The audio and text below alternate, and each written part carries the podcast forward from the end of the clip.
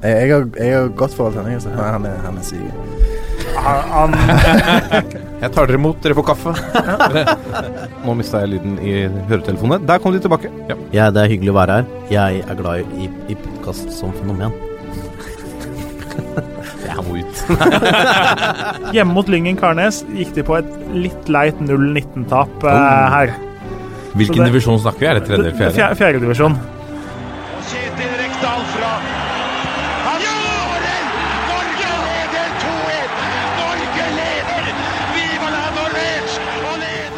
Og der er uh, toppfotball tilbake igjen, denne gangen med en eh, ny, meget spennende, brennhet eh, gjest. Eh, la oss hoppe rett i det, fordi det har aldri vært tvil om talentet og ferdighetene hans.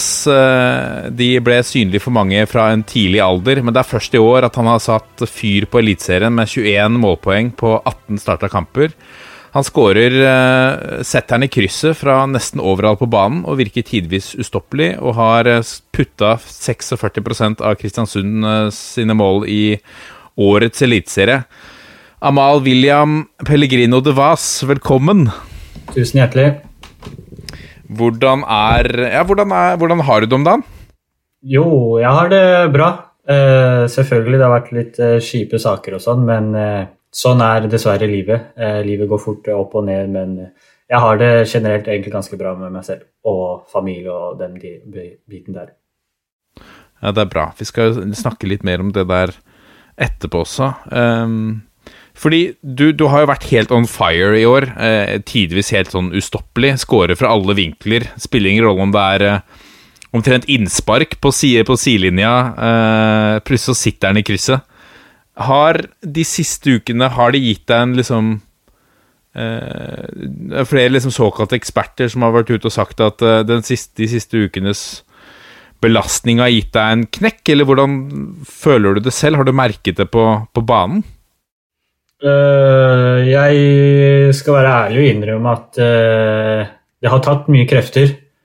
Men eh, jeg er ikke personen som på en måte vil eh, gi det skylda for at jeg ikke har prestert sånn som jeg skal gjøre på fotballbanen. Eh, det har vært en veldig viktig sak å stå opp for, for min egen del. Så jeg hadde gjort det ti av ti ganger, men jeg er også der at jeg må komme meg på hesten igjen og bidra på fotballbanen igjen. Så det er det jeg tenker på tenker fremover. At det er det som må skje, liksom. Hvor- Hvordan, har, hvordan opplever du årets sesong? For du har jo vært i norsk fotball lenge, og vært innom flere klubber. Uh, Mjøndalen, Lillestrøm, Godset.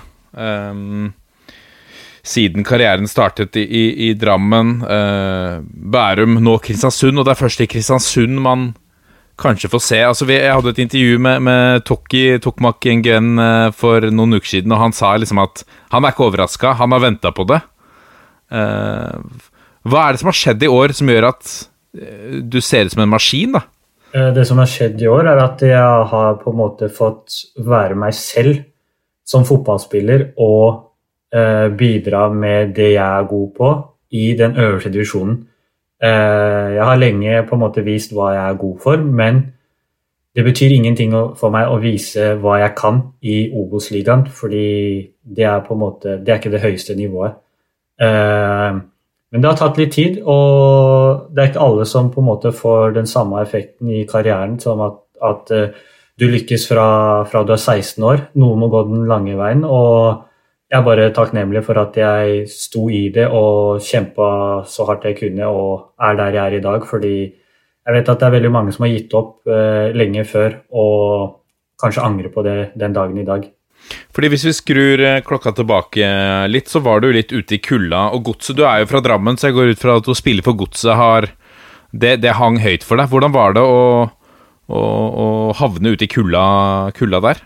Selvfølgelig er det kjipt, men uh, det var en barnedrøm. Uh, og jeg signerte jo for Strømsgodset lenge før sesongen var ferdig, når jeg var i Mjøndalen, fordi at eh, når Godset kom på banen, så var det ingenting annet som var i hodet mitt. Og jeg sa til agenten at eh, det er ikke vits, du trenger ikke å snakke med de andre klubbene som var interessert, og det var ganske mange. Men eh, jeg skulle til Godset, og jeg tok, tok den sjansen. Det gikk sånn som det gikk, og jeg tenker ikke noe særlig over det. Men jeg kommer til å tenke etter karrieren at eh, jeg har spilt for Strømsgodset, og det var på en måte den største drømmen jeg hadde da jeg var liten. og jeg pleide å snike meg inn på stadion eh, hver helg eh, det var hjemmekamper på Marienlyst. Hva, eh, hva, hva er det som skjedde da i, i godset? Fikk du, du nevnte at eh, i år har du fått være deg selv. Fikk du ikke være deg selv da du spilte i, på gamle Egress? Eh, problemet for meg var at det var eh, mange andre gode fotballspillere som spilte på den posisjonen jeg er best i. Eh, jeg kom til godset, da var eh, Tokmak, Ulland og Basel, og alle hadde lyst til å spille venstrekant eller eh, bak spissen. Og når du hører de navnene der, så vet du at eh, det er tre fantastiske gode fotballspillere, og det kommer til å være veldig vanskelig å få spille seg inn på et eh, så godt lag. Så eh, Men når jeg først var inne på laget, så spilte jeg mest høyrekant. Og da får ikke jeg eh, brukt mine ferdigheter eh, og mine styrker som gjorde at eh, jeg ikke fikk vist hvem jeg er som fotballspiller på Marienlyst. Men vil det si at du er litt avhengig også Du er litt avhengig av den frie rollen egentlig for å få ut For å få ut det fulle potensialet ditt? Ble du litt låst i godset også når du, når du fikk muligheten? Eh, ja, men eh, jeg Du kan jo si det sånn at eh, når du har gått sju-åtte kamper, og du har ikke starta én, og når du først får den ene starten, så er du nødt til å redde verden.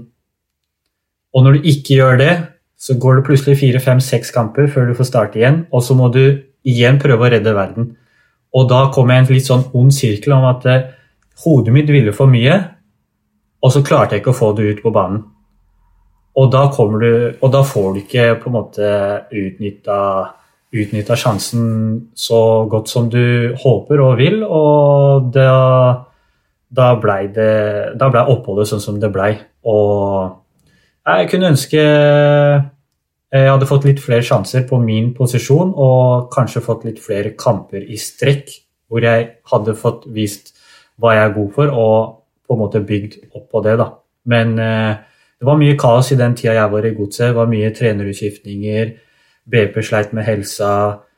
Vibelund tok over, og så fikk vi plutselig Henrik Pedersen. Og når jeg kom, så var jo Skullerud der, så jeg hadde jo fire trenere på ett og et halvt år. Og det i seg selv er jo ja, det er jo ikke det mest eh, ideelle, da. Men Føler du at du nå liksom får vist folk at se her, det var dette jeg hadde inne hele tida?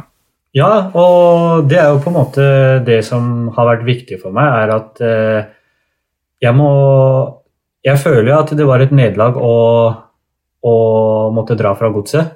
Fordi det var jo klubben min, det er jo byen min, og det er jo der jeg er født og oppvokst. Selvfølgelig, så det, det, var, det var tøft, det. Men eh, så handler det jo om og, hvordan du responderer på det, og for min del så var det ta opp hansken og på en måte vise ok, det, dere valgte å gi slipp på det her, da må jeg på en måte vise meg fram på, på et annet sted, og nå er det på tide at eh, alle de andre også får se det. Og sånn sett så har det jo kommet en klubb som har forbedra seg hvert eneste år, eh, altså jeg vet ikke hvor lenge. Eh, hva er det Christian Mikkelsen sa til deg da, når du kom til klubben? Jeg snakka med Mikkelsen når det ble klart at jeg skulle dra. Så tok jo overgangen ja, under 24 timer. Jeg snakka med Mikkelsen et tidspunkt, og jeg vet ikke, ti timer etterpå så var alt sammen klart. Men eh, tryggheten i å dra til Kristiansund var jo at Mikkelsen hadde prøvd å hente meg tre ganger tidligere. Og det i seg selv så føler du på en måte at du kommer til et sted som virkelig vil ha deg. Og så har jeg på en måte hørt at Mikkelsen er veldig flink med spillerne sine, og etter den praten vi hadde da, så føltes det veldig trygt ut. Og jeg har jo blitt pappa, så jeg trengte jo på en måte sikre meg for en litt lengre periode. Ikke bare dra til et nytt sted og ja, Hvis jeg hadde dratt på lån da i et halvt år og så ikke visste hva jeg skulle etter sesongen, for kontrakten min i Godset gikk jo ut etter sesongen, så fikk jeg en to og et halvt års kontrakt til Kristiansund. og hele ramma ble bare Det var bare betryggende for meg og familie, så det var liksom ikke noe problem med å flytte hit. Så ja, det har egentlig bare gått én vei siden jeg kom hit. Hva er det som skiller Christian Mikkelsen fra andre trenere du har hatt? Mikkelsen er veldig flink til å, til å ha en veldig god relasjon med spillerne, både på og utenfor banen. Eh, han ser på en måte mennesket på feltet, og han ser mennesket utenfor feltet. Så der eh, føler jeg Mikkelsen er et step opp fra ganske mange andre som jeg har hatt. Har du opplevd at du kjenner igjen Kjenner du igjen andre på deg selv? Altså, eh, har du sett andre spillere som kanskje Som du ser har et stort talent, som du ser har et stort potensial, men som kanskje får et innhopp der, og så går det ti kamper før de får et nytt innhopp fordi de ikke scora? Har du lagt merke til andre som har vært gjennom noe av det samme som deg? Uh, ikke som jeg klarer å få i hodet mitt her og nå. Uh, min situasjon var jo ja, Jeg var jo 20 år, da, og jeg spilte fortsatt fjerdedivisjon. Uh, så det var jo en veldig, veldig lang vei for min del for å komme dit jeg er nå. Så, men eh, når du er i den situasjonen, da, så handler det egentlig kun om hodet og hvor lyst du har til å bli fotballspiller. Da. Og for meg så var det fotballspiller eller ingenting. Så ja, jeg tror jeg hadde vært veldig mislykka hvis jeg ikke hadde vært fotballspiller, fordi det er det eneste jeg har det er det eneste målet jeg har hatt i hele mitt liv. Det er å være fotballspiller og på en måte leve av det. Drømmene mine var Barcelona. Jeg nådde ikke dit, men eh, det er, eh, det er stort å være en, eh, en av mange profiler i Eliteserien også. Ja, og i år så kan vi vel si at du er Må vel si at du er blant de største, om ikke den største, men det skal du slippe å si sjøl. Men men når du er 20 år, da Du har sagt hele livet, som, som mange andre også sier, at du skal bli fotballproff, og du spiller i fjerdedivisjon. Hva sa kompisene dine, og hva sa familien din og sånn? Prøvde de å, å, å få deg over på en annen retning? nei, faktisk ikke. de nærmeste kompisene som jeg har den dagen i dag, er på en måte de som var der når jeg var i fjerdedivisjon også. Og de har alltid visst hva slags fotballspiller jeg er. Og så er det det å på en måte komme til et lag på et nivå som gjør at eh, du blir proff. Og det tok litt lengre tid enn jeg hadde håpa, men alle kompiser og familie er på en måte de som har backa meg hele tiden. Eh, når jeg har hatt det tungt og på en måte i hodet mitt trodd at eh, jeg aldri kommer til å bli fotballspiller, så har på en måte de vært Nei, ikke tenk på det, liksom. Du vet, ting kan snu fort. Eh, bare fortsette å jobbe hardt. Og, og etter at eh, Ronny, eh, Ronny Lian døde, så var det på en måte jeg måtte, jeg måtte, gjøre det for han også, fordi han brukte så mye tid på meg. Og på den, eh, det forholdet vi to hadde, det var på en måte Det var det som holdt meg i gamet da, så lenge som det gjorde. Fordi det var mange ganger jeg tenkte at ja, det er ikke vits, liksom. Eh, navnet mitt her er skjørt, eh, folk ser på meg som for tynn, og jeg har for dårlige holdninger og aggresjonen min og alt det der. Så, så, det var liksom Oddsen var ikke på min side, da. Hvem er Ronny Lian, da, for de som ikke veit uh, kjenner hans navn? Uh, Ronny Lian er en av uh, trenerne jeg fikk når jeg starta på juniorlaget til Åsgålen. han spilte for A-laget til Åsgålen på den tida og var juniortreneren vår. og for min del så var vel han den største støttespilleren og ja, Kall det litt sånn reservefar, da. Som var, var, der for meg og stilte opp eh, på, på, alt mulig. Eh, om det var foreldremøte på ungdomsskolen som jeg ikke turte å si fra til mamma, så tok jeg med han, og så fikk jeg hele huden full av han. Så han eh, var en veldig viktig person for, for meg. Og så døde han? Ja. Uh, han uh, døde i 2009. Og det har på en måte Så det å fortsette å liksom å, å levere, har det motivert deg for å for å holde motivasjonen oppe og for å holde det gående og bli proff til slutt? Ja, selvfølgelig. Uh, han var jo på en måte en av få som hadde troa på meg. Og han var den som backa meg hele tiden. Jeg hadde utallige treningstimer alene med han etter treninger, på fridager og alt. Han brukte veldig mye tid på meg. Og han prøvde, prøvde å få meg, få meg, til mye bedre lag og alt det der, men ja, ting var på en måte litt sånn at jeg var for, for tynn til å, til å spille toppfotball i Norge. så så de hadde ikke troa på det. Så derfor var jeg så lenge i, i Åskollen, Drammen, som Ja. Så jeg kom aldri helt videre før, eh, før jeg var 2021 ca. Ja, for da, Så var du i, i Bærum i 2012 til 2014. Ifølge Wiki 33 skåringer på 68 kamper. Begynte det å vekke en eh, Hva skal vi si, en, en tanke der om at ok, dette, dette kan gå? Uh, når jeg dro til Bærum uh, Jeg ble henta av uh, uh, Morten Tandberg, som også har vært eh, en av mine viktigste folk. Eh, personer som, som gjør at jeg den dagen i dag er her hvor jeg er som fotballspiller. Eh, jeg satt jo fast i Drammen, og Bærum var på en måte døråpneren for meg, da. Jeg kom til eh, et lag som hadde masse unge fotballspillere, masse talent i laget, og til en trener som var helt fantastisk med spillere og, og laget og spillestil og, og alt sånn. Og, og det var liksom Når jeg kom dit, så To første månedene så satt jeg jo mye på benken, men fra vi rykka opp til Adeccoligaen Adecco-ligaen den tid, så, så er man aldri tilbake igjen.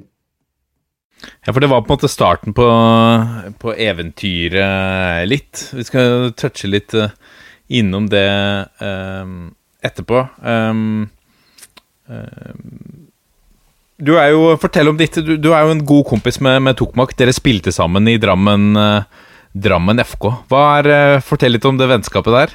Off, eh, jeg og Tokmak ble jo kjent tidlig ungdomsskoletida. Eh, møttes helt random på den banen ved siden av stadion. Og siden den dagen så har vi egentlig så å si vært sammen eh, hver dag helt uh, siden han flytta til Ungarn og ble proff der borte. Så vi snakker sammen hver dag og følger hverandre meget tett. Så Talkmark, det er, det er som familie for meg. Han sier at han, han sa jo i episoden med meg at det er, to, det er både Det positive med Budapest er at det er så mye å gjøre her, og det negative med Budapest er at det er så mye å gjøre her.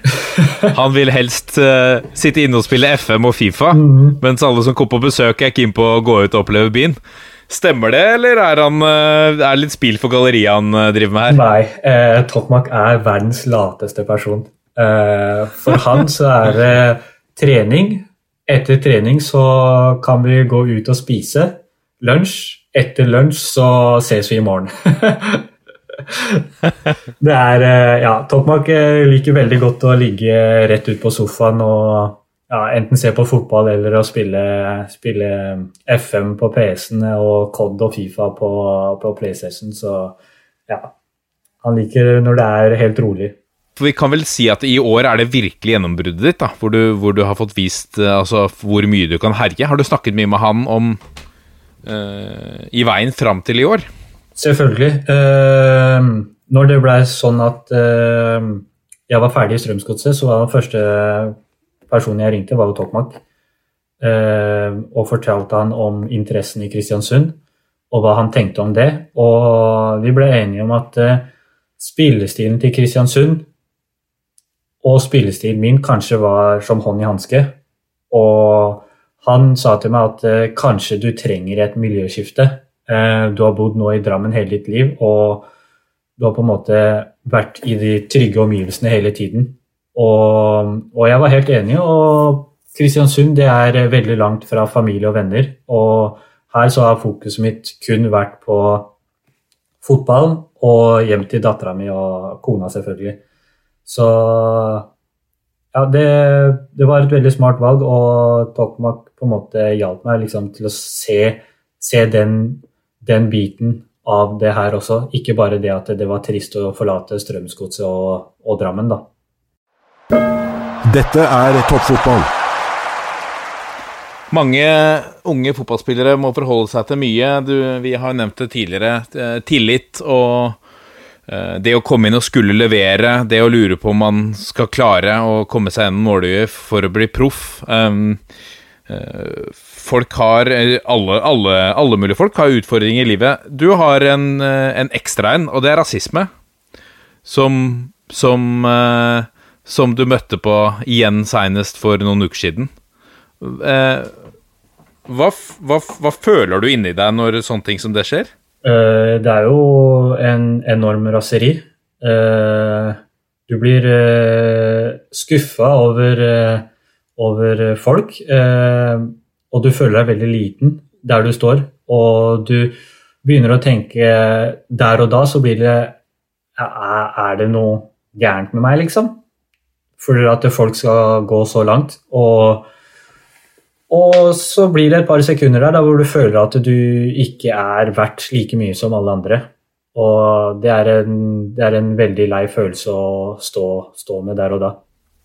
Og det er jo litt Vi snakka jo om det før vi begynte opptaket, og jeg spurte deg liksom om Skal vi snakke litt om det? Eh, hvor lei er du av å snakke om det? For det er jo også litt Det er jo rett og slett veldig kjipt at vi er nødt til å nødt til å snakke om dette. Vi er nødt til å adressere det fordi det er et problem. Um, hvor um, du nevner liksom nevner raseri på, på Twitter og i Fotball-Norge generelt også, så er det mye raseri knytta til dette. Folk er ganske forbanna, eh, som jo er godt å se.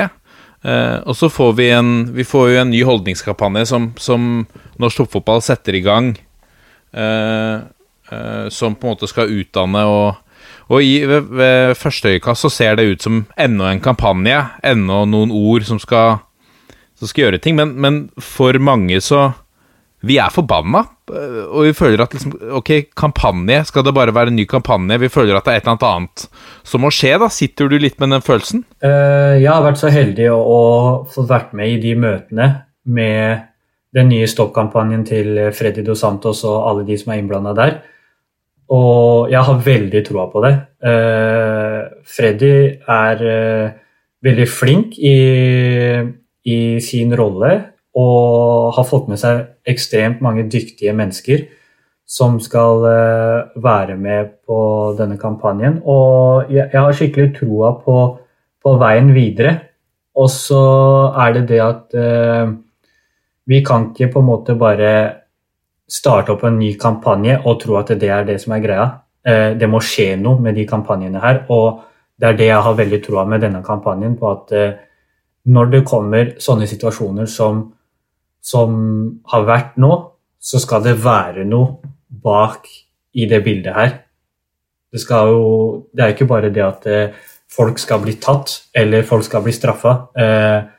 Vi skal prøve å opplære mennesker da, til å skifte holdninger i hodet. Og det er eh, like viktig som å bare straffe mennesker, eh, tror jeg. Tror du mye av det kommer av at folk er på en måte er fremmedfrykt, eller har de, har de ikke helt oversikt over hva som er innafor å si og ikke? Eh, Det kan sikkert være begge deler. Fremmedfrykt og ikke ha helt den oversikten om hva som er greit. Kanskje de sitter hjemme rundt middagsbordet og, og sier sånne ting, og folk tror det er vanlig, men når du sier det til en, til en utenlandsk person, så, så kan det såre. Da. Eh, noe som de tror er helt eh, vanlig å si hjemme. Eh, og det, det er sånne småting som gjør som gjør at eh, vi er nødt til å ta tak i det for å bli, ja, bli kvitt det, rett og slett. Fordi det er veldig mange småting som gjør at vi har kommet så langt som vi har gjort nå. Og at eh, en kar eh, roper, roper noe på tribunen, det for han er, er humis der og da, men eh, for mange andre det er, ja, det er veldig fælt, da. Ja, og det skaper jo en form for Hva skal jeg si Plutselig så føles ikke fotballen ut som et trygt sted lenger, verken for alle publikummere eller spillere eller trenere. Det mister liksom jeg, jeg tror mange kjenner på den følelsen at det, det var et angrep på, på fotballen som, liksom en, som arena. Eh, ja, um, Og det er jo det at folk eh, trodde liksom ja, det ikke var et problem i Norge. Men selvfølgelig, det er jo et stort problem her i Norge også. Og det er jo eh, et mye større problem vanlig i hverdagen enn det det er på fotballbanene. Men det er mye vanskeligere for eh, et vanlig menneske å, å komme fram til det på den måten sånn som jeg gjorde det, f.eks. Fordi at jeg har min standing i fotballen, og derfor er det viktig for meg å på en måte legge, legge lys på det. Har du, har du opplevd noe særlig av det utenfor fotballen? Jeg har, eh, jeg har opplevd eh, mye, mye når jeg var yngre. Eh, Det, det handler om eh, blikk og egentlig veldig få, eller veldig små kommentarer. Altså går det så langt at du begynner å bli vant til det, og det er det som er farlig. fordi når man begynner å bli vant til det, så holder man det inne, og så bygger det seg bare opp et raseri, og det raseriet blir bare større og større. Og det negative for meg er at jeg tok jo med det på fotballbanen. Det raseriet. Og da fikk jeg veldig mye unødvendige kort, eh, gule, røde kort, fordi at det, det raseriet ble bare så stort at eh, til slutt så klarte jeg ikke å holde det inne. Og så ja, går det utover helt andre mennesker. Eh, tidligere justisminister Per-Willy Amundsen eh, har eh, lansert et forslag for Stortinget hvor han vil fjerne rasismeparagrafen, fordi han mener at eh, alle skal få lov å si de tinga de vil, og så kan vi heller straffe de sosialt ved å fryse de litt ut dersom de sier noe som er feil. Hva tenker du når du hører sånne ting som det her, da? Jeg, jeg, blir, jeg synes det, bare, det blir jo komisk, da. Eh, han vil fjerne paragrafen, men samtidig straffe dem. Så Ja, jeg, jeg, det er veldig vanskelig å kommentere det, egentlig, men Nei, for meg så høres det bare helt, eh, helt tåpelig. Eh, og det er noe jeg håper ikke kommer til å gå igjennom, og det har jeg veldig liten tro på at det skal også. Og jeg, jeg tror og vet at vi har kommet mye lenger enn at eh, vi skal få ja, hva skal jeg si? Ja, få fram et eh, Ja, få fram noe sånt. Ja, det ble, heldigvis så ble det jo nedstemt med høye kneløft, så det var jo Ja. det, det er jo ute av verden. Men det er jo, et, eh, det er jo mange som syns det er ganske absurd. Han var tidligere justisminister, og så er du såpass lite i kontakt med, med virkeligheten. Eh, hva har du å si til de for å runde av dette temaet, da, som er et veldig viktig tema, men eh, vi må snakke mer om fotball. Hva har du å si til de som sier at eh, For jeg leser i kommentarfelt på, på Facebook blant annet, som sier at dette var jo ikke noe problem før. Man skjønner ikke hvorfor folk har begynt å skrike så mye om rasisme nå.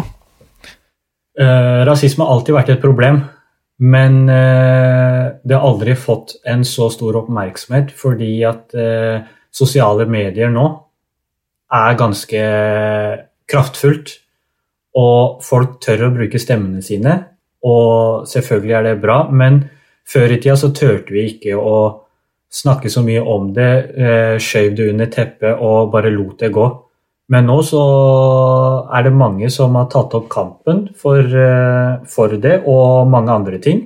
Eh, All slags diskriminering, det, det hører ikke til noen sted. Og, og det er jo alle slags mennesker som på en måte prøver å få fjerna det her. Da. Det er jo ikke bare eh, folk som meg som prøver å bli kvitt rasismen. Jeg føler det er jo en hel nasjon som står sammen bak det her. Og det er jo det jeg har på en måte følt på etter jeg havna i den situasjonen jeg, jeg var i. Og det er at eh, du har en hel nasjon bak deg. Selvfølgelig så får du ikke alle med, med, med deg. Eh, det kommer alltid til å være noen som prøver å, prøver å dra deg enda lenger ned, men eh, eh, i det store bildet så føler man at man har hele landet bak seg, og at eh, det her var en eh, sak som ingen i Norge ville at det skulle gjenspeile vårt land.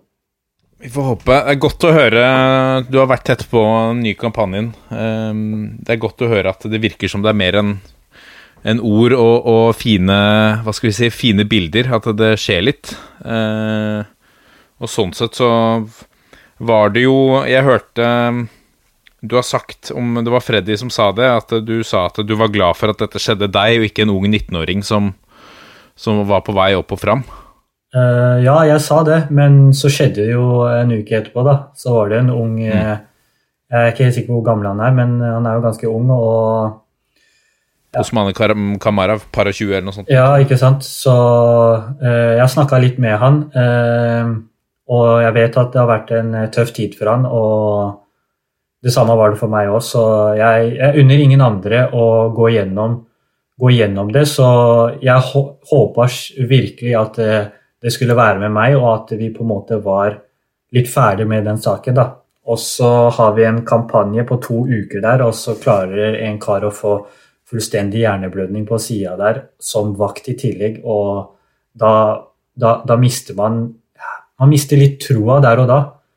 Eh, en vakt skal liksom være, være der som skal eh, få oss fotballspillere på banen til å ha det trygt. Eh, Tilskuere skal ha det trygt i tilfelle det skjer noe der. Eh, vi skal på en måte ha en, en fin connection da, mellom eh, spillere og publikum. Men også er du vakt og klarer å lire av deg noe sånt, da, da ja, det, det er god natt, liksom.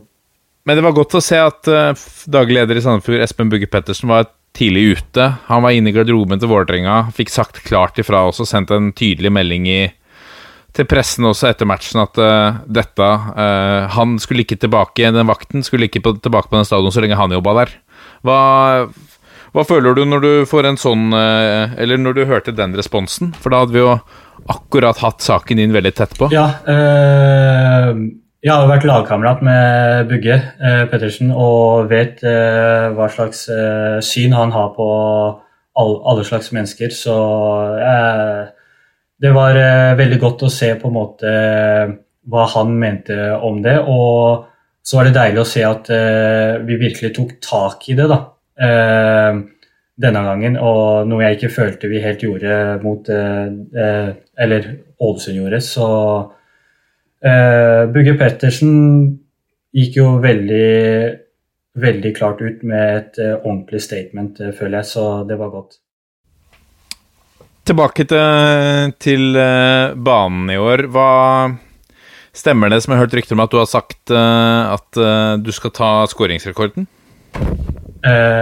Hvilken da til, til Iversen? Er det ikke Vidar Øyen Kjart... Ja, eller hvem er det som har den som har skåra mest på en sesong i, i Norge? Det er jo Iversen. Um, Ja, det er Iversen. Og Iversen. Han er jo 30. Uh, jeg har ikke gått ut og sagt noe om den, men selvfølgelig den det, Jeg har tenkt på den, men jeg vet at det kommer til å være veldig vanskelig. Uh, og nå er det ni kamper igjen, så det er jo alltid Det er mulig, men uh, målet mitt er å ta rekorden fra ja, i hvert fall 2000-tallet, og det er jo Vidar Ørn Kjartansson på 25. Fordi du, du har jo Det er jo eh, vanskelig å komme bort fra at det kan være et mulig mål når du har eh, begynt å ta på deg disse trøyene under drakta. Kan du ikke fortelle litt om det greiene der? Uh, jeg har ikke fått vist den helt fram ennå, så ja. Men folk Jeg, jeg tror jeg viste litt for mye eh, når jeg skåra det straffa mot Brann. Eh, når jeg så det i etterkant, så ser man jo ganske tydelig hva som står under drakta der. Eh, så, men jeg trodde jeg bare viste lite grann. Så, liksom, så håpa jeg at det skulle komme et mål til hvor jeg fikk tatt av meg drakta og vist hva som sto under der. Men eh, ja. Mission failed. Men hvordan er du som, eh, som type, da? Liker du å lage litt uh, Liker du å lage litt leven, på en måte? Syns du det er gøy å gjøre litt ekstra? Selvfølgelig. Eh, fotball handler jo om eh, hele den eh, pakka der. Eh, jeg syns vi som fotballspillere skal være flinkere til å gi, gi fra oss selv. Folk følger med på oss, og fotball, fotballen i Norge generelt er, er eh, kanskje litt eh, under når det kommer til å gi fra oss selv enn alle de største ligaene i verden. Eh, der vet jo alt om spillere og hvordan de er i, utenfor banen og alt sånt. Så vi er, vi er veldig sånn A4, A4 her, da. Og, men jeg har alltid vært ja, Si det litt sprellmann, da, som ja, liker å finne på ting og sånne ting. Så jeg er bare meg selv, egentlig. Hvordan er stemninga i Kristiansund-garderoben, da? Hva slags, eh, hva slags typer er det inni der? Det er eh, mange, mange klovner. det er eh, fantastisk stemning i den garderoben der. Og ja, vi er en sinnssykt kul, kul gjeng. alle sammen som bidrar med å være seg selv. Og så har vi et hjørne som Ja, vi har to hjørner som lager kanskje litt for mye bråk noen ganger. Så ja, det er mange store personligheter i den eh, garderoben der, så det er veldig gøy. Hvem er det som sitter i de to hjørnene? I hjørnet mitt så er det jo meg, Amin Askar, eh, Mido Og så er det jo det andre hjørnet med Flamur, Kastrati, Koli og, og Kristoff osv. Så, videre. så ja, det går veldig mye sånn eh, drittslenging fram og tilbake der, så det er kult. Ja, Så det er en fight mellom hjørnene? Ja, det, det er veldig ofte vi trener, og så er lagene litt sånn satt at eh, Og så er på en måte jeg og de som sitter ved siden av på lag, og så er det andre sida på et annet lag. Så det kan fort være litt mye sånn fram og tilbake der, ja. Du har vært i noen klubber nå. Hvem, hvem, hvem har du lært mest av? Hvilke klubber jeg har lært mest av? Ja, eller hvilke, hvilke personer har du lært Du nevnte også Ronny, som, som var viktig for deg i oppveksten. Hvem har Er det noen spesielle du kan trekke fram som du har lært mye av som, eh, som fotballspiller, eller som voksen fotballspiller? da? Eh, ja, det blir jo lett å dra fram Ronny Lian og Morten Tandberg. Eh, fotballspillere så har jeg lært eh, veldig mye av eh, Arnold Origi, Frode Kippe. Eh, det, da, da, tenker jeg på hvordan man skal behandle kroppen sin. Eh, i, du kan jo se på de to som fantastiske eksempler på ja, ta vare på seg selv. da. Eh, hvordan man skal eh, ja, ta vare på seg selv etter trening, etter kamp, fridager. Og den seriøse biten der med skadeforebyggende og alt sånn. Eh, og så har jeg vært heldig å, å få spilt med mange, mange spillere som har eh, havna i utlandet og kan egentlig lære veldig mye av dem. Eh, og Tokmak er jo et ekstremt godt eksempel med eh, å ikke gi opp. Eh, ting har jo ikke akkurat eh, gått én vei for han. Det har vært veldig mye opp og ned for han òg, og han sleit jo med to tretthetsbrudd som også var karrieretruende. Og, men fortsatt, tankegangen vår det var én vei, og vi begge jakta jo å bli fotballspiller. Og vi har brukt hverandre for alt det har vært, og, ja, og det setter jeg veldig pris på. Har du hatt noen forbilder da, innenfor fotballen? I, i Norge? Ja, eller i Norge, eller har du liksom kikka på, en, på en spiller og tenkt liksom ok, jeg skal bli litt sånn som han? Uh, største forbildet jeg har hatt, var vel Ronaldinho. Uh, måten han spilte fotball på, det, det, var umulig å ikke være glad når man så han spille fotball. Uh, så Ronaldinho er, det er den kuleste spilleren jeg har sett spille fotball til den dagen i dag. Og så kommer Neymar på en sterk andreplass, men han har uh, noen, noen, andre greier der som folk ikke er så fan av, og det forstår jeg veldig godt. Hva er ditt favorittmål da, fra alle du har putta i år? Husk, er du en sånn person som husker alle måla du skårer? Uff uh, Nei. Uh, jeg husker dem veldig godt to-tre uker, og så skårer man en del andre mål, og så blir det veldig fort glemt. Men det er vanskelig når du dunker inn fra 40 meter hver gang. Liksom... Ja, jeg har hatt noen sånne i år, men uh, jeg kan jo trekke fram uh, uh, Er det 1-0 eller 2-0-målet mot, 2-0-målet mot Strømsgodset på Marienlyst? Den er, er årets mål for meg i år. Fordi settingen, eller pga. skåringa? Nei, pga. skåringa. Uh, det var jo Jeg prøvde jo å legge inn, og så ble den klarert, og så tok jeg Kom, eh, kom først på banen, og så skøyt jeg på halvvolley i krysset fra ja, 30 meter eller noe sånt. Så ja, det var en fin scoring. Betydde den litt ekstra fordi det skjedde der det skjedde? Eh, den hadde gjort det hvis eh, vi hadde vunnet. Vi leda 2-0 og klarte å rote det bort, så det ble 2-2, så så du sitter ikke igjen med den beste følelsen etter kamp da. Men eh, det hadde betydd litt ekstra hvis eh, vi hadde vunnet kampen og jeg hadde blitt matchvinner, selvfølgelig.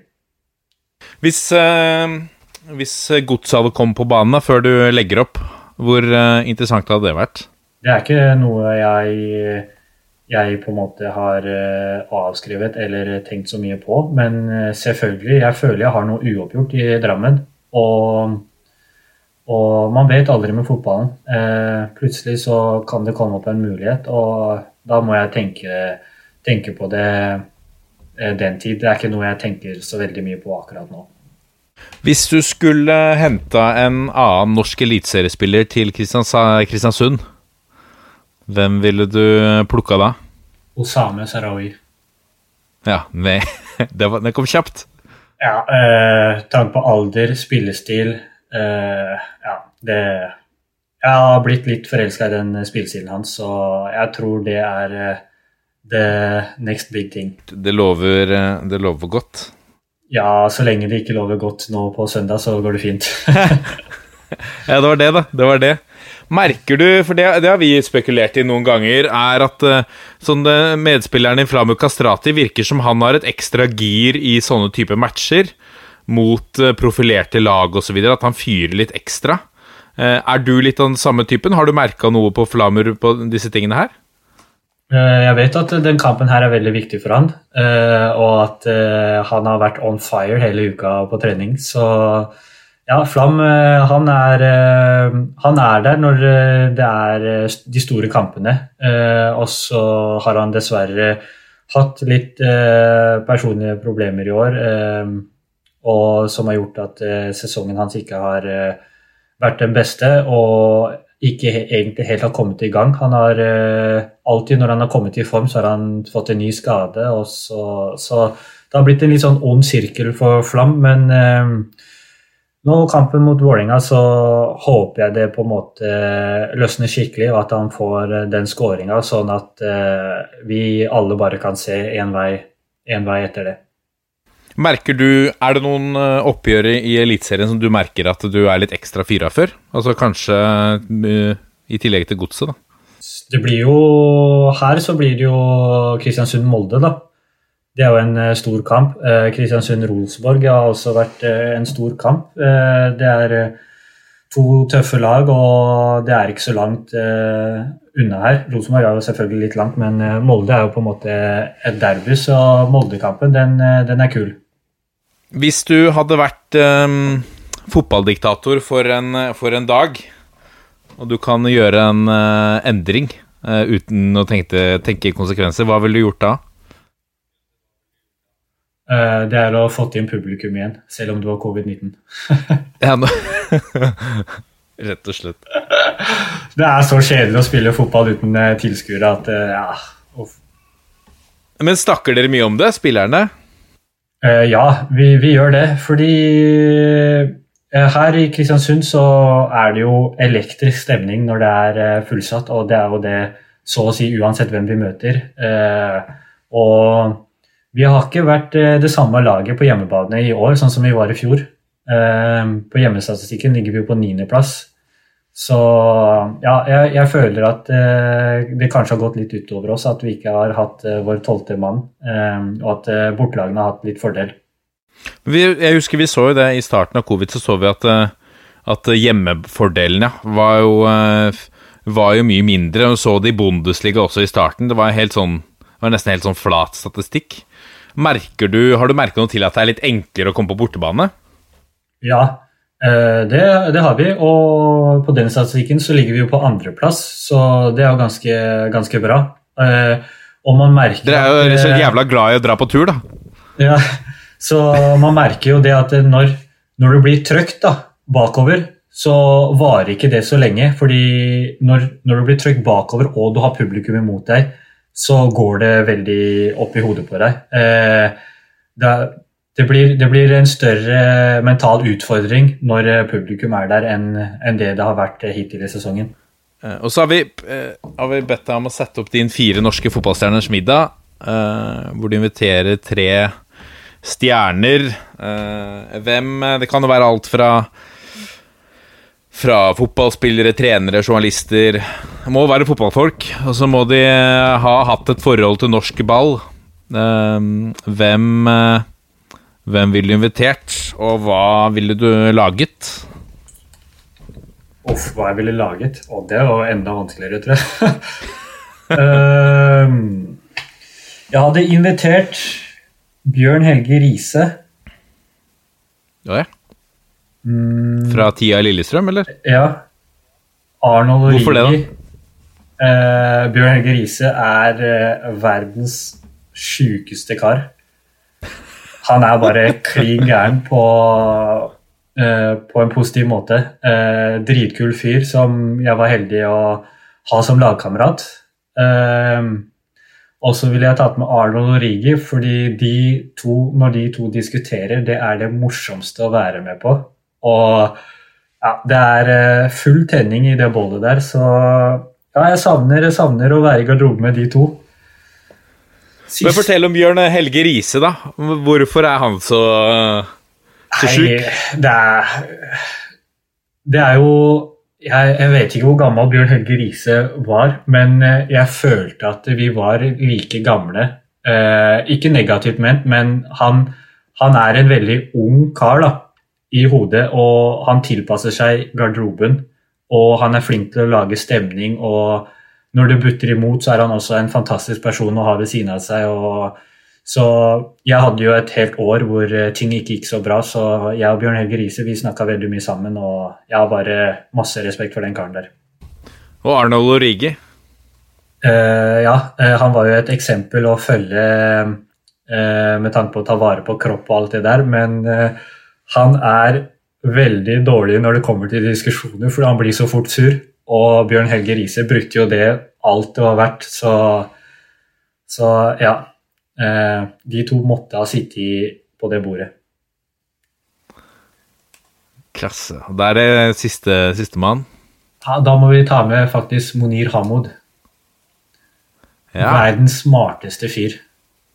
Ok, rett og slett. Ja, Vi kalte han bare professor i garderoben. Så ja men, Hva, hva kommer det av? da?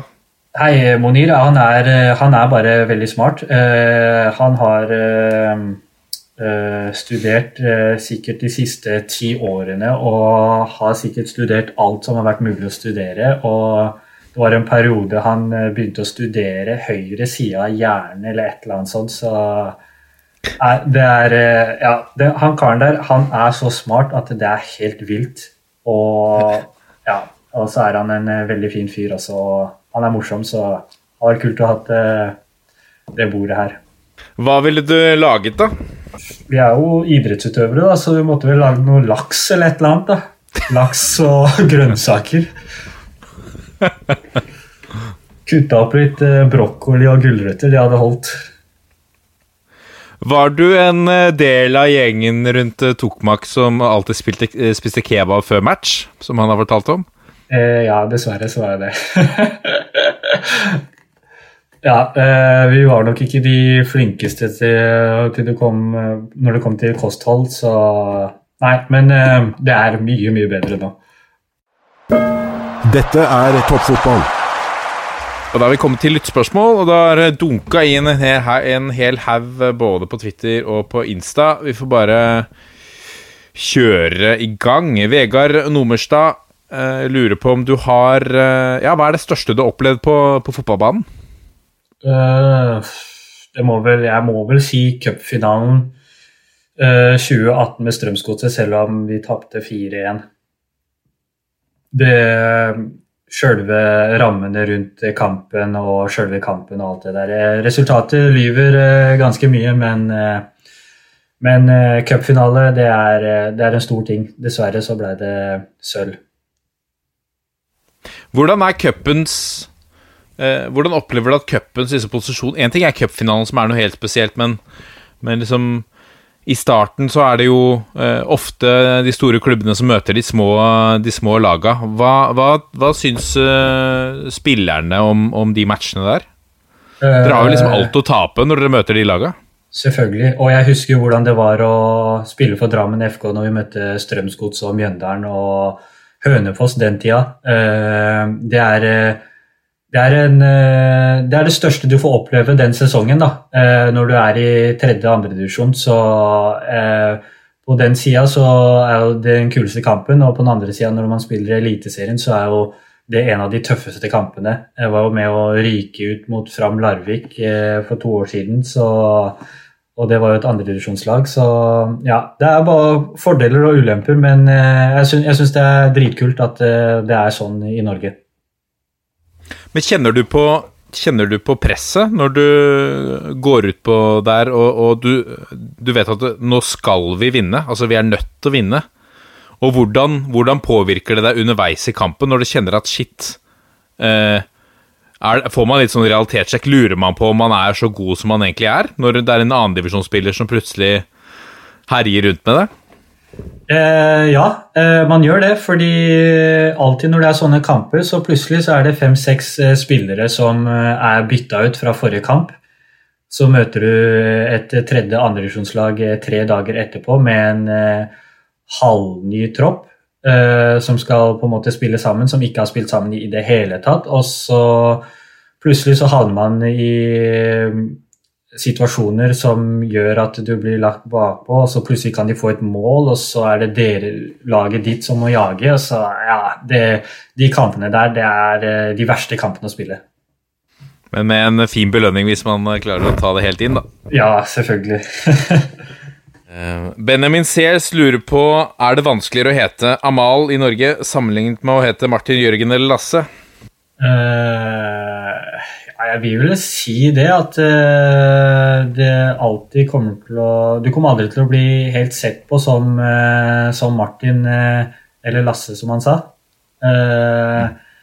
Så ja, og det handler kun om hudfarge for min del. Det vil jeg tørre å påstå. Hvis du skal forklare det til en, en person som ikke, en hvit person som ikke har noen forutsetning for å vite hvordan rasisme er og føles på kroppen, hvordan, hvordan ville du liksom Hvor skal du begynne? Hvordan ville du forklart det? Forklart hvordan det føles å få rasisme mot seg. Ja. Uh, uff, det, det er bare sinnssykt vondt. Uh, du blir bare veldig lei deg, og Og ja, man føler seg plutselig ikke like mye verdt som alle andre. Så tar vi et spørsmål fra Marius uh, Nettels. Eh, eh, hvor lyst har du til å spille i Ferencvaro sammen med Tokmak? Jeg har vært eh, så heldig å vært lagkamerat med Tokmak eh, i tre forskjellige klubber. Eh, Så jeg tar med meg det, og så får vi se om eh, eh, vi havner i en, eh, i en klubb sammen igjen eh, de neste åra. Men eh, ja, jeg har vært så heldig å ha spilt på, la, på samme lag som min aller beste venn, så bare det i seg selv er veldig stort. Så ja, jeg er takknemlig over det. Er det en intern greie mellom dere? At liksom dere, dere drømmer om at eh, Ok, uh, la oss stikke et sted vi kan spille sammen? Vi, selvfølgelig snakker vi om det, uh, men eh, jeg er der at eh, jeg vil at Topmark skal tenke på seg selv, og jeg har lyst til at han skal komme så langt som han kan. eh, fordi han har så mye fotball i seg at uh, Ferencvaros for meg er ikke en stor nok klubb for Tokmak. Spennende å se. Nå, eh, nei, var det gårsdagens match? Barcelona? Det var kanskje i går, det? Eller var det tirsdag? Det var Det var tirsdag. ikke Ja. Det var ikke en feil søknad heller, det, for å få noen nye oppgaver. Absolutt ikke. Og jeg satt eh, ja, én meter fra TV-en og skulle få med meg absolutt alt. Det var helt sinnssykt. Det, ja, kona fikk eh, munnkurv i samtlige 90 minutter. Gjøran Nygaard eh, lurer på hvilken prestasjon ra rangerer du høyest av å være toppskårer i Eliteserien, eller å skåre elleve mål i en og samme kamp mot Ronny Deila i femte divisjon? Nei, det må vel bli 11 mål mot uh, stoppen der. Uh, fordi at Ronny spilte og han var treneren til Godset, og han mente at jeg ikke var god nok. Så ja, det var eh, tennvæske for bålet mitt den kampen der. Deilig, da. Even elleve skåringer på en match. Ble Ja. det 11-0, eller var det flere vant dere med mer? Nei, jeg kom jo litt seint ute fordi Alex-treneren lot meg ikke spille kamp hvis jeg ikke trente med laget først. Så vi hadde en knallhard eh, kortbaneøkt først, og så kom jeg 15 minutter ut i kampen, så ble jeg bytta inn etter 20-25 eller noe sånt. Og rakk å skåre 11. Ja, jeg fikk faktisk krampe etter 75 år. Herregud. Hvor langt kan eh, Hvor langt eh, kan Kristiansund nå denne sesongen, spør Adidas-mannen. Kan det bli medalje? Uh, selvfølgelig har jeg troa på det. Eh, vi har eh, tre bonuskamper nå. Vi møter Vålerenga, og så er det Bodø-Glimt og Molde. Eh, hvis ikke vi taper alle de tre kampene, så har vi jo et veldig fint oppsett etter det. Da har vi seks kamper igjen som ja, er alle mulige å vinne, de kampene. Så det er opp til oss selv hvordan vi gjør det nå, de tre bonuskampene for oss nå de tre neste ukene. Og, ben, ben Foo Trainer lurer på hva tror, hva tror du er grunnen til at verken uh, deg selv, Gia Saeed eller Tuk, uh, blir uh, vurdert som gode nok for Norge? Det handler vel uh, sikkert mest om eh, spillestil. Eh, hva slags spillere han eh, ser på. Eh, du ser jo mange landskamper hvor han eh, spiller med sentrale midtbanespillere på kantene og tenker på løpskraft. Og da blir det kanskje vanskelig for spillere som oss å være i en sånn tropp. Hadde det vært um, Tror du at det hadde vært enklere for deg med en mer offensivt anlagt landslagstrener? Ja, uh, for da hadde han jo sett etter helt andre typer enn det han gjør nå. Jeg tror ikke en offensiv uh, En annen offensiv trener hadde brukt eh, Stefan eh, som eh, venstrekant, eh, for å si det sånn. Eh, Så ja, det hadde vært en helt annen situasjon da. Vegard Bjørgå lurer på hvor, hvorfor du aldri var innom godset som ung. Eh, Det var jo litt som vi snakka om i starten. Eh, Jeg hadde jo ikke den største fysikken. Jeg var tynn, og de mente at jeg hadde en aggresjon og et temperament og dårlige holdninger og litt, eh, litt av det der, da. Så ja, det måtte litt ut av Drammen for å, for å bli fotballspiller. Apropos ut av Drammen, Frode Myklebust lurer på om du trives i Kristiansund by. Jeg trives i leiligheten min. så jeg drar på trening. Etter trening så drar jeg rett hjem. Eh, er pappa i noen få timer før dattera mi legger seg klokka seks. Og så skrur jeg på TV-en og gamer med gutta på sida. Så livet mitt er eh, veldig rolig, altså. For det er jo et av eh, lyttespørsmålene her også, er hvordan har det, hvordan har det vært å bli pappa? Åh, det har vært helt fantastisk. Eh, det er noe jeg har eh, hatt lyst til veldig lenge. Og jeg, ble, jeg var så heldig å bli det nå i fjor. Så ja, eh, det er helt fantastisk. Jeg koser meg veldig. Official Jannis uh, lurer på Han har jo så masse spørsmål. Skal ta noen kjappe. Uh, Puma eller Nike? Uh, Jeg bruker eh, Nike nå, men eh, jeg skal prøve noen Pumas nå, så, eh, så kan jeg svare han på det spørsmålet om et par uker. Ok. Ronaldo eller Messi? Messi, Favorittklubb? Barcelona, Beste trener? Pep Guardiola. Hvordan var det da eh, Tokki spilte mot Barcelona? Var du, Heia du på Ferencvaros? Jeg heide på Tokmak. ja. Jeg var vel egentlig der at eh, jeg trodde ikke Ferencvaros skulle ha noe som helst sjanse, men jeg hadde skikkelig troa på at eh, Tokmak kommer til å lage såpass mye kvalme at eh, det kommer til å se veldig bra ut for han uansett. Og det følte jeg at han gjorde. Eh, Forsvaret sleit skikkelig med farta hans, og alt han gjorde offensivt, det, det var bare ja, Det var stor klasse. Eh, Kim Jeppe Karlsen kan tyde på at han er eh, fra Drammen. Kjenner, smiler, kjenner du? Jeg kjenner Kim Jeppe. Han lurer på hvor er den beste kebaben i Drammen? det er Sydney. Eller gamle Sydney, da. Eh, de ga fra seg kjøkkenet, så jeg tror han vil at jeg skal svare Snappis. Og uh, hvordan er nivået på kebaben i Kristiansund? Eh, det, det er ikke noe nivå. Det er så nakent at det er rett og slett kvalmt.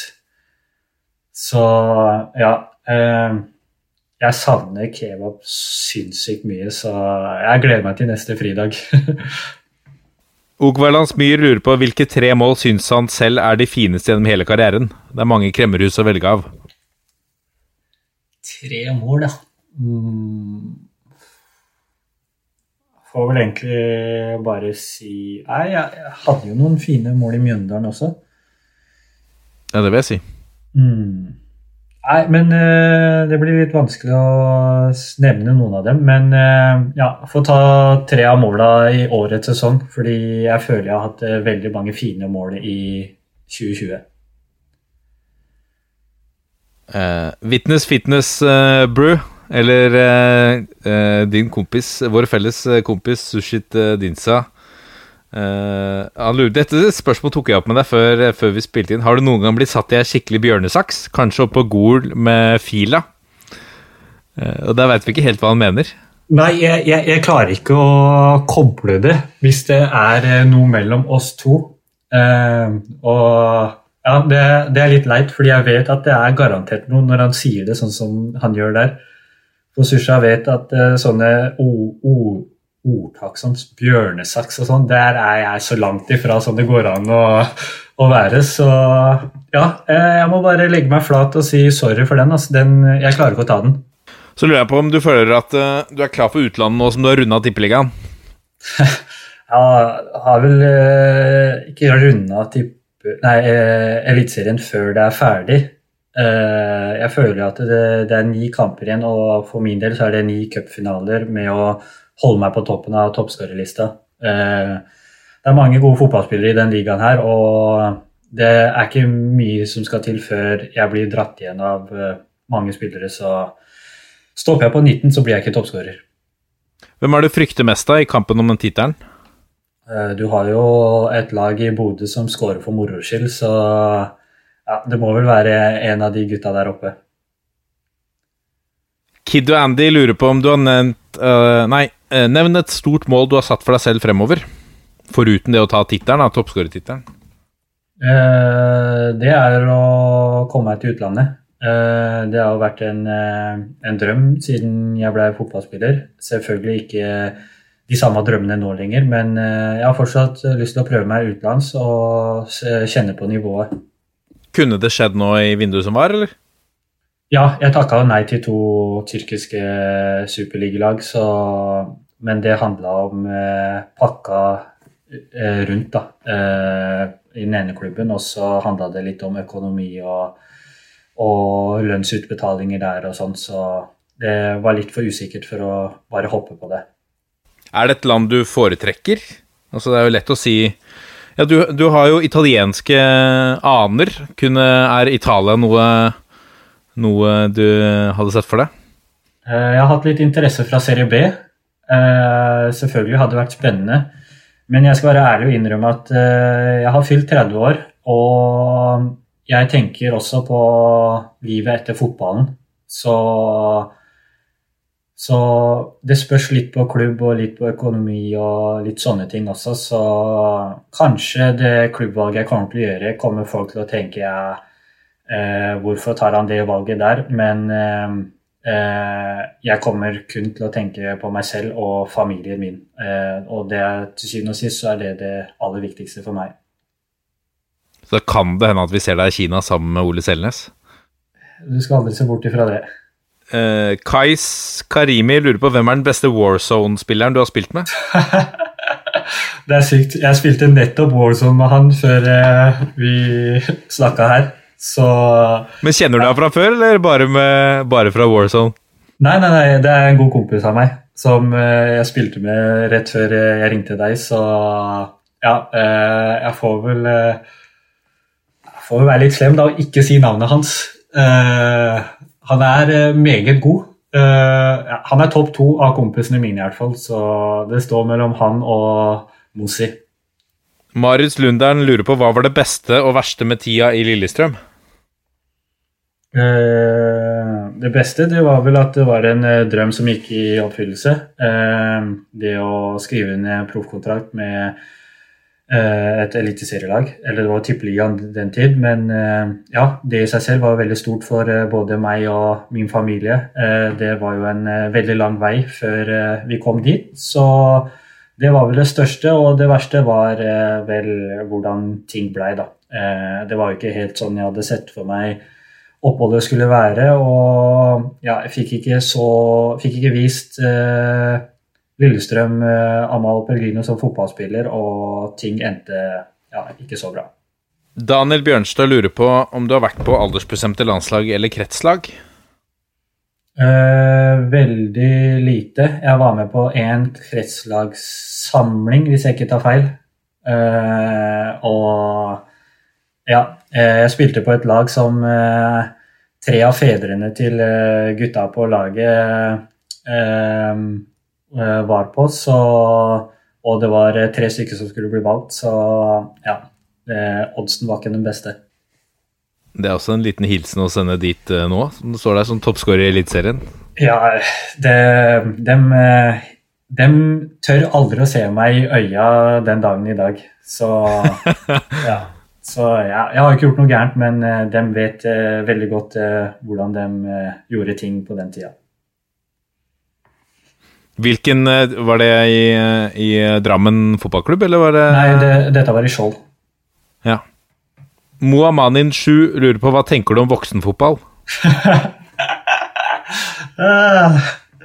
Nei, voksenfotball, det er eh, fotballen man lærer eh, eh, lærer eh, med åra.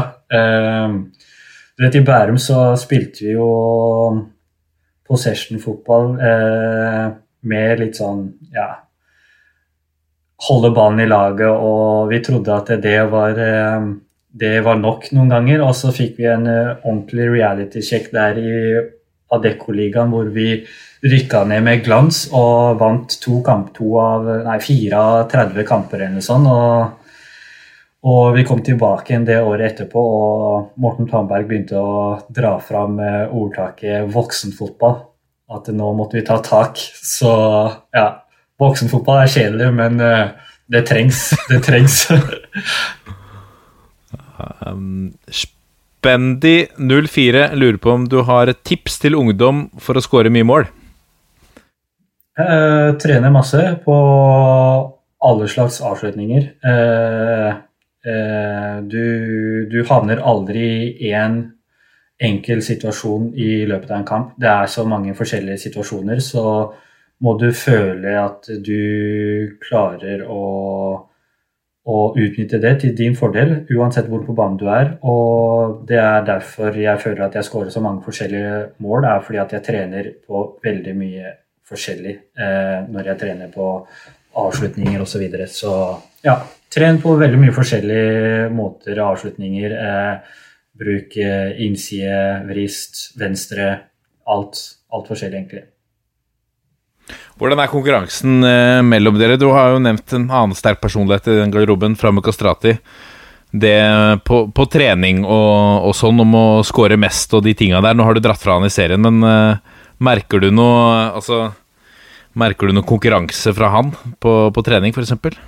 Uh, nei, det er ikke sånn at vi har en sånn konkurranse mellom oss. Uh, jeg har enormt stor respekt for Flamer, og det samme har han for meg. Så vi kjenner hverandre fra tiden hvor han var i Strømsgodset og har litt felles bekjente. Så uh, Flamer er en god kompis, så jeg unner Flamer det beste, og det vet jeg at han gjør med meg. Og så pleier vi som regel å spille på samme lag på trening, så vi er nok like glad om han eller jeg skårer da.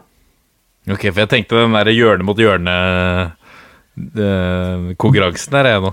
Ja, eh, der har du jo eh, Amin som er den verste. Amin Askar. Eh, det er Hvis jeg og Amin er på lag og Flamor er på det andre laget, så, så er det Amin som er veldig flink til å slenge dritt den veien, og så Flamor motsatt vei. Men meg og han, det er aldri noe mellom oss, oss to. Men det er gøy å ta Amin, det, det skal jeg være ærlig og innrømme.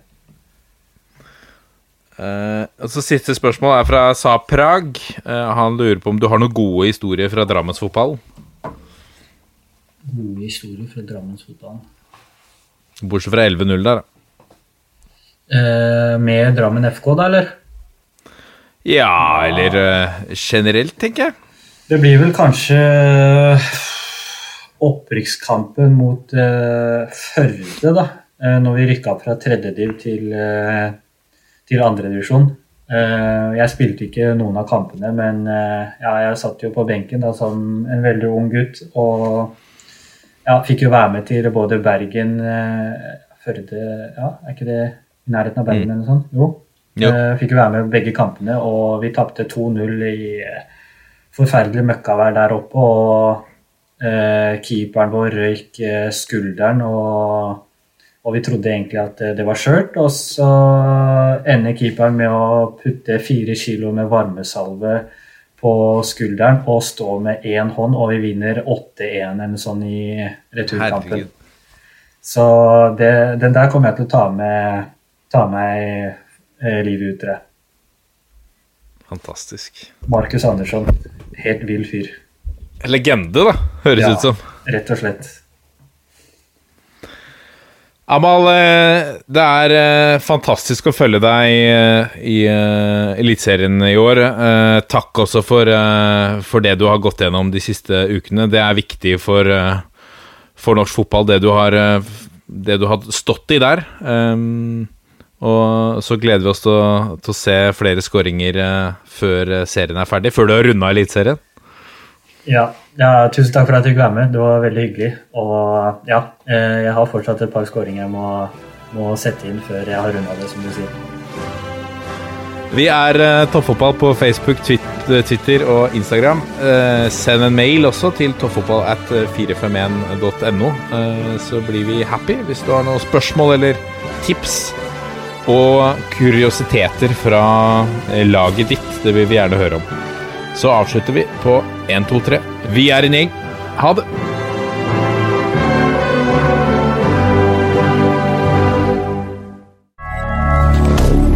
Moderne media.